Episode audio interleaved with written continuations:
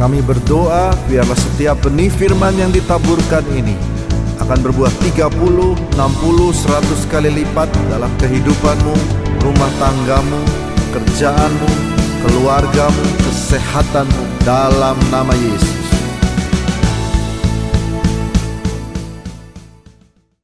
Masuk ke dalam firman, Bapak Saudara siap mendengarkan pesan Natal hari ini? Adik-adik siap mendengarkan pesan Natal hari ini? Oke. Oke. Judulnya, ah, mohon maaf judulnya hari ini saya kurang kreatif. Terkesan ngikutin tema Natal. Jadi Bapak Saudara mungkin sudah aware. Tahun ini kita mengambil tema tentang Glorious Christmas. Atau Natal yang mulia gitu ya. Coba kita next. What is Christmas? Apa yang uh, Bapak Ibu Saudara pikirkan ketika pertama kali mendengar kata Natal? Adik-adik kalau dengar kata Natal ingatnya apa? Hah, pohon. Hah? Salju, pohon. Nah, ayo. Hah? Kado kata Ibu Gembala. Ah? Ah, ini yang paling benar. Kelahiran Tuhan Yesus. Wah, itu kok Natal ingetnya salju. wow, luar biasa. Betul sekali. Natal berbicara tentang, nah Natal itu sendiri artinya kalau di Bapak Saudara cari ya, itu merupakan bahasa serapan dari bahasa Latin atau Portugis yang artinya kelahiran atau lahir. Jadi kalau secara, kalau kita artikan, glorious Christmas atau uh, Natal yang mulia artinya kelahiran yang mulia. Kenapa saya bilang mulia gitu ya? Apa sih arti mulia sebenarnya gitu ya? Karena telah lahir di tengah kita, adik-adik, sang juru selamat, raja segala raja, bahkan ditulis adik-adik semua lambang pemerintahan. Jadi mau adik-adik punya ingat negara apa? Amerika ada di bahunya. Adik-adik ingat apa lagi? Negara Inggris ada di bahunya. Siapa namanya? Yang lahir? Tuhan Yesus adik-adik. Makanya tema Natal hari ini kita ambil, eh tahun ini diambil Glorious Christmas untuk menceritakan semua kemuliaan Tuhan. It's all about Jesus, it's not about luxury. Ini bukan tentang kado, ini bukan tentang kemewahan, ini bukan tentang sales 12-12 ya. Semuanya menanti sales 12-12 ya. Semua menanti tentang ya diskon-diskon ya. Tidak tidak semuanya tidak tentang itu tapi Natal berbicara tentang kemuliaan Tuhan. So secara cepat Nah, kalau ngomong kelahiran berarti kita ngomongin baby gitu ya. Ada bayi yang lahir. Iya dong, yang lahir masa tiba-tiba orang dewasa. So, ya. Puji Tuhan, Bapak Ibu Saudara, beberapa bulan yang lalu uh, anak kami uh, yang ketiga lahir. Ini fotonya, uh, gitu ya. Nah, Bapak Ibu Saudara mungkin ingat adik-adik juga mungkin tahu ya, kalau ada seorang bayi yang lahir gitu ya, Biasanya ada tiga pertanyaan yang selalu ditanya. Nah, ibu-ibu pasti tahu nih. Jadi tim survei kami sudah melakukan survei gitu ya dan dan apa menemukan ada tiga pertanyaan yang paling sering dicatat ketika seorang bayi baru lahir. Dan tiga pertanyaan ini juga akan saya jadikan sebagai poin sharing tentang firman Natal hari ini. Bapak Saudara sudah siap? Oke, poin yang pertama. Ketika bayi baru lahir, biasanya pertanyaan yang muncul pertama, Hah, lahir di mana? Gitu kan. Kayak waktu baby saya lahir, wah lahir di mana kok gitu ya. Lahir di mana? Si bayi Tuhan Yesus ini agak unik Bapak Saudara. Kan tadi saya bilang bahwa Tuhan Yesus raja di atas segala raja ya adik-adik ya. Benar ya? Kalau raja lahirnya kira-kira di mana? Hah? Hah? di kandang domba betul yang kalau Tuhan Yesus lahir di kandang domba. Tapi kalau raja biasa Biasanya lahir di istana ya. Di tempat yang bagus gitu ya. Betul ya? Kalau misalnya public figure atau artis pasti lahirnya di rumah sakit yang paling mahal. Nah, tapi yang aneh Tuhan Yesus kita itu lahirnya berbeda adik-adik. Tadi teman kita udah bilang, lahirnya di kandang di kandang domba. Oh, oh, kok kenapa dilahir di kandang domba ya adik-adik? Waduh, luar Tuhan Yesus miskin. Nah, nah, nah, luar biasa. Oke. Nah, nggak apa-apa, nggak apa-apa, nggak apa-apa. Berarti berani, bagus, nggak apa-apa. Nih, Kak Daniel kasih tahu nih ya, detailnya kita bisa baca. Bapak Saudara yang bawa Alkitab juga bisa buka. Dalam Lukas 2 ayat 4 dan 8 seperti kita tahu kisah kelahiran Tuhan Yesus ini dicatat oleh dua orang murid ya Bapak Saudara yang pertama Matius, yang kedua sama Lukas. Nah, saya ambil dari perspektifnya Lukas. Ayat yang keempat saya bacain. Demikian juga Yusuf pergi dari kota Nazaret di Galilea ke Yudea ke kota Daud yang bernama Bethlehem karena ia berasal dari keluarga dan keturunan Daud supaya didaftarkan bersama-sama dengan Maria tunangannya yang sedang mengandung. Ketika mereka di situ tibalah waktunya bagi Maria untuk bersalin atau melahirkan adik-adik. Dan ia melahirkan seorang anak laki-laki, anak yang sulung, lalu dibungkusnya dengan lampin dan dibaringkannya di dalam palungan karena tidak ada tempat lagi bagi mereka di penginapan. Di daerah itu ada gembala-gembala yang tinggal di padang, menjaga kawanan ternak mereka pada waktu malam. Nah di situ eh, adik-adik bisa lihat ya, Kak Daniel uh, sempat tebalin dan juga garis bawahin. Yang pertama Bethlehem, palungan, gembala-gembala, dan padang. Di sini kita bisa lihat bahwa Tuhan Yesus itu lahir di sebuah palungan, di tengah padang gembala bersama dengan para gembala di suatu kota yang namanya Bethlehem.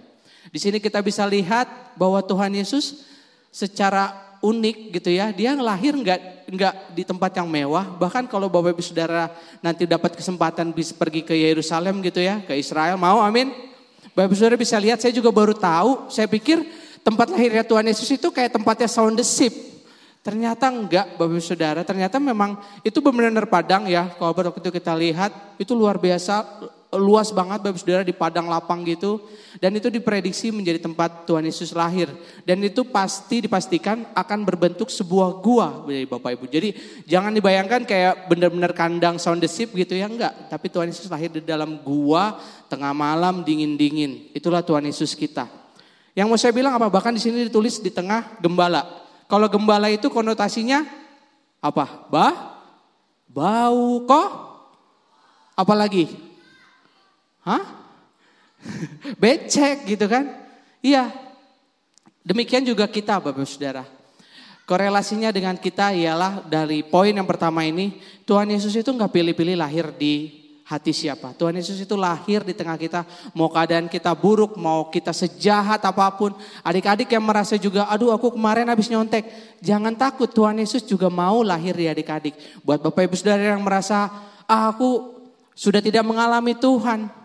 Kita mau rendahkan hati kita, kita mau terima Tuhan Yesus, kita mau terima Tuhan untuk lahir kembali dalam hati kita. Ada amin?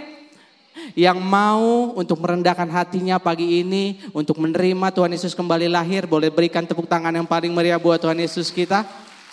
Yes, jadi itu poin yang pertama. Di mana Tuhan Yesus lahir? Tuhan Yesus kiranya boleh lahir di hati kita. Tapi sebelum Tuhan Yesus lahir di hati kita, kita mau merendahkan hati kita. Jadi Tuhan Yesus tidak bisa lahir kalau kitanya sombong. Saudara ingat ada satu raja yang menentang kelahiran Tuhan Yesus siapa? Ayo adik-adik ingat gak raja yang? Hah? He? Herodes. Herodes ini sombong dan angku dia nggak mau nerima ada saingan sehingga dia mau membunuh bayi Yesus. Jadi poin pertama rendahkan hati kita, kita mau terima Tuhan Yesus lahir di hati kita masing-masing. Poin kedua pertanyaannya yang biasa ketika bayi seorang bayi lahir ialah apa? Bisa ditebak? Wah ini biasa. Ah betul. Yang yang kedua ialah berapa beratnya? Wah ibu biasa kalau udah ngeliat bayi montok dikit, wah gede banget ini bayinya gitu ya. Klerin juga waktu lahir lumayan gede, dia 3 kilo gitu ya bapak saudara. Ini adalah pertanyaan kedua yang paling sering ditanyakan. Berapa beratnya? How big? Seberapa besar ini bayi gitu ya. Kemudian korelasinya dalam Tuhan. Ada yang tahu di sini mungkin guru-guru sekolah minggu saking canggihnya tahu berapa berat bayi Tuhan Yesus ketika lahir. Ada yang tahu? Kavina nih biasanya paling canggih. Ada yang tahu? Berapa? Wah 5 kilo. Ya sayangnya memang tidak dicatat ya, Bapak Ibu Saudara nggak usah dicari-cari di dalam Alkitab, nggak akan ketemu gitu ya. Tapi at least ada di salah satu kitab, buat Bapak Saudara yang ingin tahu seberapa besar Tuhan kita, at least ada ada clue-nya nih Bapak Saudara. Di kitab Yesaya ayat 40 ayat 12. Siapa yang menakar air laut dengan tekuk lekuk tangannya Jadi air laut dilekuk tangannya Bapak Saudara. Dan mengukur langit dengan jengkal. Langit luas nggak adik-adik? Diukur Tuhan cuma pakai jengkal. Wah, jadi Tuhan Yesus gede apa kecil? Bukan gede, gede banget. yang apa menyukat debu tanah dengan takaran menimbang gunung dengan dacing dan bukit-bukit dengan raca. Bahkan di ayat 15 di sini ditulis sesungguhnya wah ini lebih lebih keren lagi. Sesungguhnya bangsa-bangsa adalah seperti setitik air kayak hujan tik bangsa gitu bangsa Indonesia adik-adik bayangin cuma setitik air dalam timba yang dianggap seperti sebutir debu. Wah, cuma sebutir debu. Sesungguhnya pulau-pulau tidak lebih halus beratnya. Jadi gede apa gede banget? Gede banget gitu ya.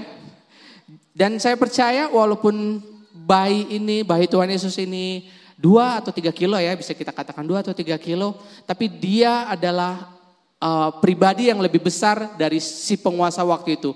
Ada ada saya catat di sini ada Kaisar Agustus waktu itu yang berkuasa dan dia pasti lebih besar dari Raja Herodes. Kemudian adik-adik yang di sekolah minggu juga sudah uh, belajar ya bahwa Tuhan Yesus itu lebih besar dari penyakit. Benar ya?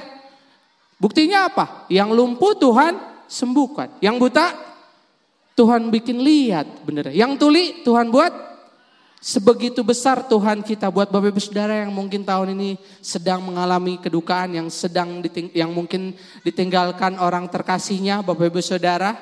Saya mau bilang bahwa Tuhan Yesus kita lebih besar daripada daripada semua masalah kita. Amin. Amin Bapak Ibu Saudara. Tanggal 22 saya nggak akan pernah lupa tanggal 22 bulan 2 tahun 2022 saat itu ketika orang lain, Bapak Ibu Saudara bersuka cita di rumah sakit gitu ya. Uh, uh, apa ya, kami waktu itu uh, juga istri saya mengalami kehamilan gitu ya. Tapi di tanggal tersebut, tanggal yang begitu cantik, ketika semua orang, saya ingat banget pagi, eh, eh gitu saya dengar, saya apa ya, uh, wow luar biasa banget banyak bayi yang lahir. Tapi sayangnya itu nggak terjadi buat keluarga kami. Kemudian Tuhan izinkan anak kami yang kedua dipanggil. Saya merasa sebenarnya Tuhan ini besar apa enggak sih. Tapi seperjalanan waktu Bapak Saudara, saya buktikan Tuhan kita lebih besar dari apa pun masalah kita. Amin. Saya lihat banyak pertolongan Tuhan yang luar biasa ketika itu terjadi. Tuhan gak biarkan keluarga kami sendirian. Tuhan Yesus luar biasa. Jadi buat Bapak Saudara, di momen Natal ini, apa sih Herodes dalam hidup kamu? Apa sih kekecewaan yang mungkin ada di dalam hati kamu? Apa sih masalah yang ada dalam hidup kamu? Buat adik-adik, Kakak mau bilang Tuhan Yesus kita lebih besar daripada soal ujian kita, amin. Jadi nggak ada yang susah, amin. Oke gitu dong anak sekolah minggu Tuhan Yesus kita lebih besar dari teman kita yang suka ngisengin kita, amin. Amin. Bapak ibu saudara, Tuhan Yesus kita lebih besar dari tagihan kita, amin. Panitia Natal, Tuhan Yesus kita lebih besar dari budget kita, amin. Amin. Berikan tepuk tangan buat Tuhan Yesus kita. Woo. So poin kedua yang saya mau bilang Tuhan Yesus kita lebih besar dari apa pun. Dan kalau saya bilang apa pun berarti semuanya tidak terkecuali. Kemudian poin yang terakhir yang mau saya sampaikan, tadi udah sempat diterakin. Pertanyaan yang biasa ditanyakan ketika seorang bayi yang lahir, eh, lahir adalah siapa sih namanya gitu ya. Tuh kan, ya benar. Siapa sih namanya? Siapa sih anak yang lahir di kandang domba ini, di kota Bethlehem ini, siapa sih namanya? Wih, langsung jawab. Tapi kalau di perjanjian lama, kalau Bapak Ibu cari gitu ya, banyak dari tokoh-tokoh besar yang sering bertanya. Contohnya ada Yakub yang ketika dia bergulat dengan seorang malaikat, dia bertanya, siapa namamu? Jadi di perjanjian lama itu, nama Tuhan belum diketahui. Atau kalau Bapak Ibu ingat atau adik-adik ingat tentang kisah Nabi Musa, ingat Ketika itu ada semak yang menyala-nyala api gitu ya. Musa bertanya, siapa nama kamu? Karena dia harus lapor nanti ketika ketemu dengan penguasa Mesir untuk kasih tahu siapa yang ngutus si Musa ini untuk datang ke Mesir. Siapa namamu? Siapa namanya? Siapa nama bayi yang lahir ini? Kemudian di kitab Amsal sebenarnya sudah ada clue-nya Bapak Ibu Saudara. Mari kita buka dalam Amsal 30 ayat 4. Siapakah yang naik ke surga, turun Siapakah yang telah mengumpulkan angin dalam genggamannya? Siapakah yang telah membungkus air dengan kain? Siapakah yang telah menetapkan segala ujung bumi? Siapa namanya? Siapa nama anaknya? Engkau tentu tahu.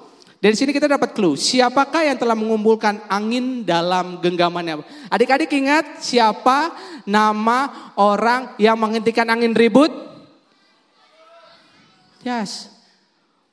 Tuhan Yesus. Terus yang uh, kalimat selanjutnya ada clue lagi siapa yang telah membungkus air dengan uh, dengan kain. Di sini ber, ya betul, di sini berbicara tentang kisah Bapak Ibu masih ingat kisah tentang per, uh, apa wanita yang pendarahan. Di sini tuh ada seorang sosok yang menghentikan pendarahan. Di sini ada sosok yang telah membungkus air dengan kain, dengan jubahnya, dengan jumbai jubahnya. Siapa namanya? Tuhan Yesus. Kemudian akhirnya kita tahu nama dari seorang bayi ini di dalam Matius 1 ayat yang ke-21 ia akan melahirkan anak laki-laki dan engkau akan menamakan dia siapa? Siapa namanya? Karena dialah yang akan menyelamatkan umatnya dari dosa mereka. Sekali lagi, jadi siapa namanya? Berikan kemuliaan buat Tuhan Yesus kita. Woo!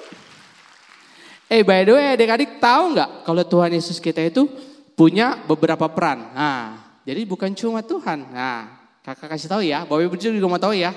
Dalam Yesaya ayat 9 ayat 5. Kita sama-sama baca ya.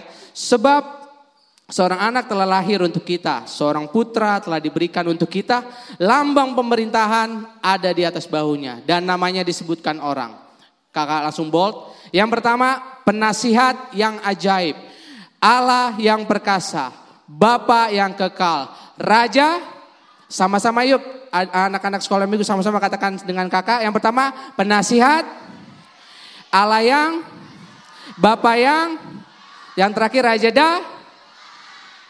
Yes, keempat ini. Jadi ingat, izinkan kakak untuk mengingatkan adik-adik dan saudara-saudara semua dengan all parents mengingatkan bahwa ketika kita bingung di dalam kehidupan ini selalu ingat ketika adik-adik bingung akan uh, ujian gitu ya, selalu ingat bahwa kita punya penasihat yang ajaib. Penasihat yang ajaib bukan teman ya. Jadi kalau adik-adik lagi ujian nggak boleh nyon. Nah, itu bukan penasihat yang ajaib. Adik-adik harus belajar dan berdoa nanti Tuhan kasih hikmat gitu ya. Itu yang pertama. Buat Bapak Ibu Saudara yang mungkin saat-saat ini lemah, saat-saat ini merasa apa nggak kuat, saya mau ingetin bahwa kita punya Allah yang perkasa. Buat bapak saudara yang mungkin saat ini merasa ditinggalkan atau buat adik-adik yang mungkin merasa bapak di dunia ini meninggalkan adik-adik, saya mau ingetin kalau kita punya bapak yang kekal yang gak akan pernah meninggalkan kita barang sedetik pun. Amin. Dan yang terakhir, ketika adik-adik takut atau bahkan khawatir, aku nanti besar jadi apa? Apakah aku bisa jadi orang yang berhasil? Kakak mau ingetin bahwa kita punya seorang raja yang damai, yang bisa memberikan damai sejahtera untuk kita semua. Amin. Siapa namanya? Oke, inget ya. Ah, selain keempat tadi, keadaan ini sebenarnya masih punya satu. Iya dong.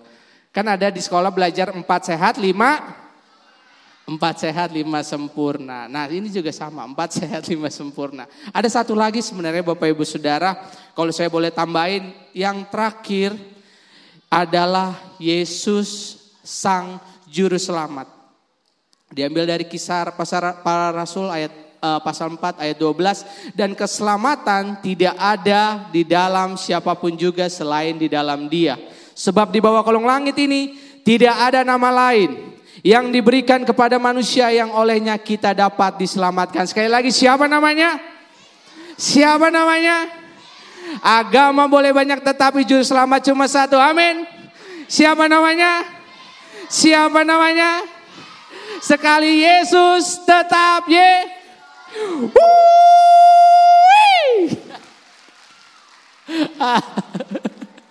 Langsung pada relate. Sekali Yesus tetap Yesus, amin. Sekali Yesus tetap Yesus adik-adik, amin. Amin. Saya boleh undang teman-teman pemusik itu aja pesan Natal saya hari ini. Bapak Saudara merasa diberkati, amin. Amin. Oh pada takut angkat tangan, takut saya pantun lagi nih. Oke. okay.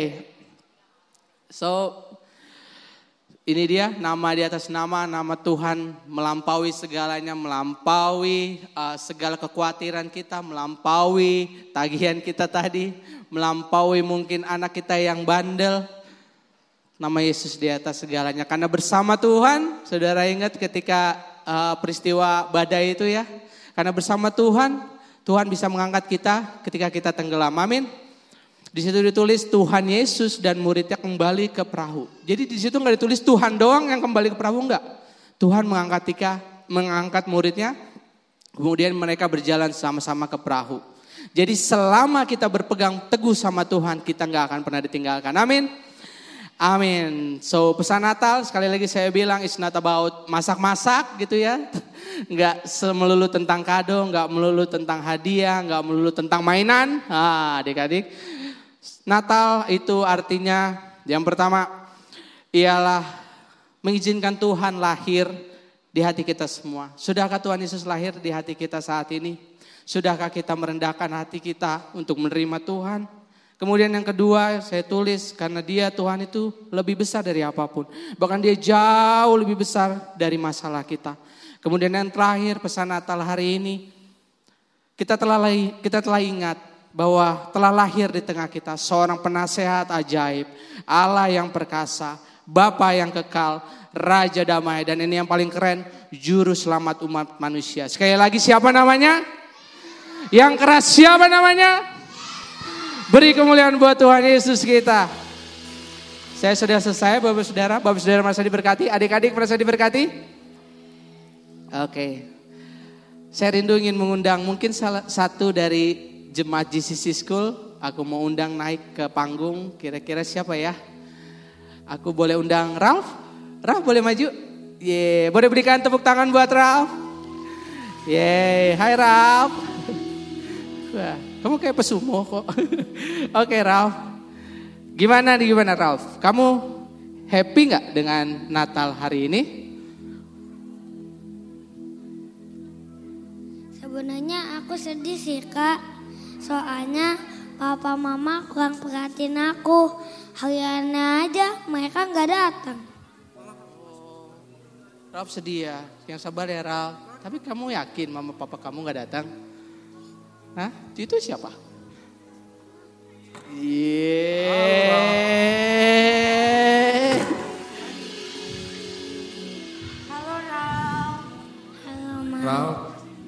Bapak minta maaf ya karena terlalu sibuk selama ini.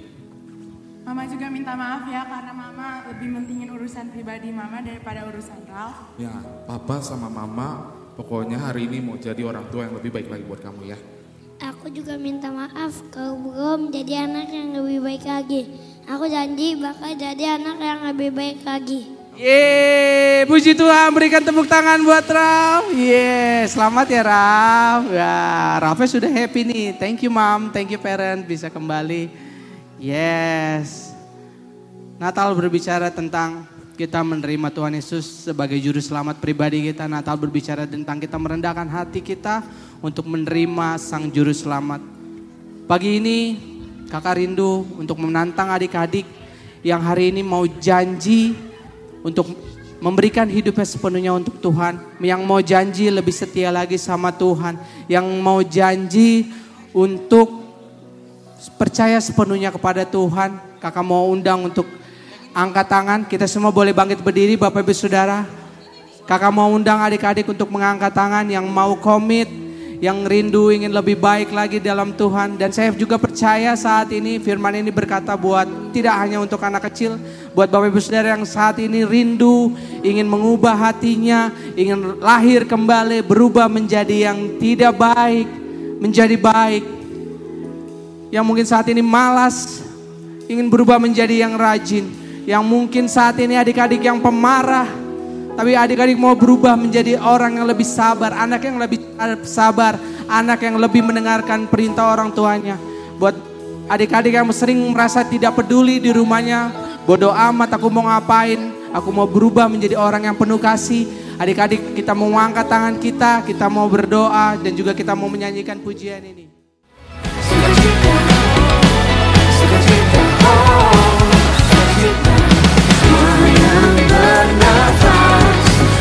congelador, congelador.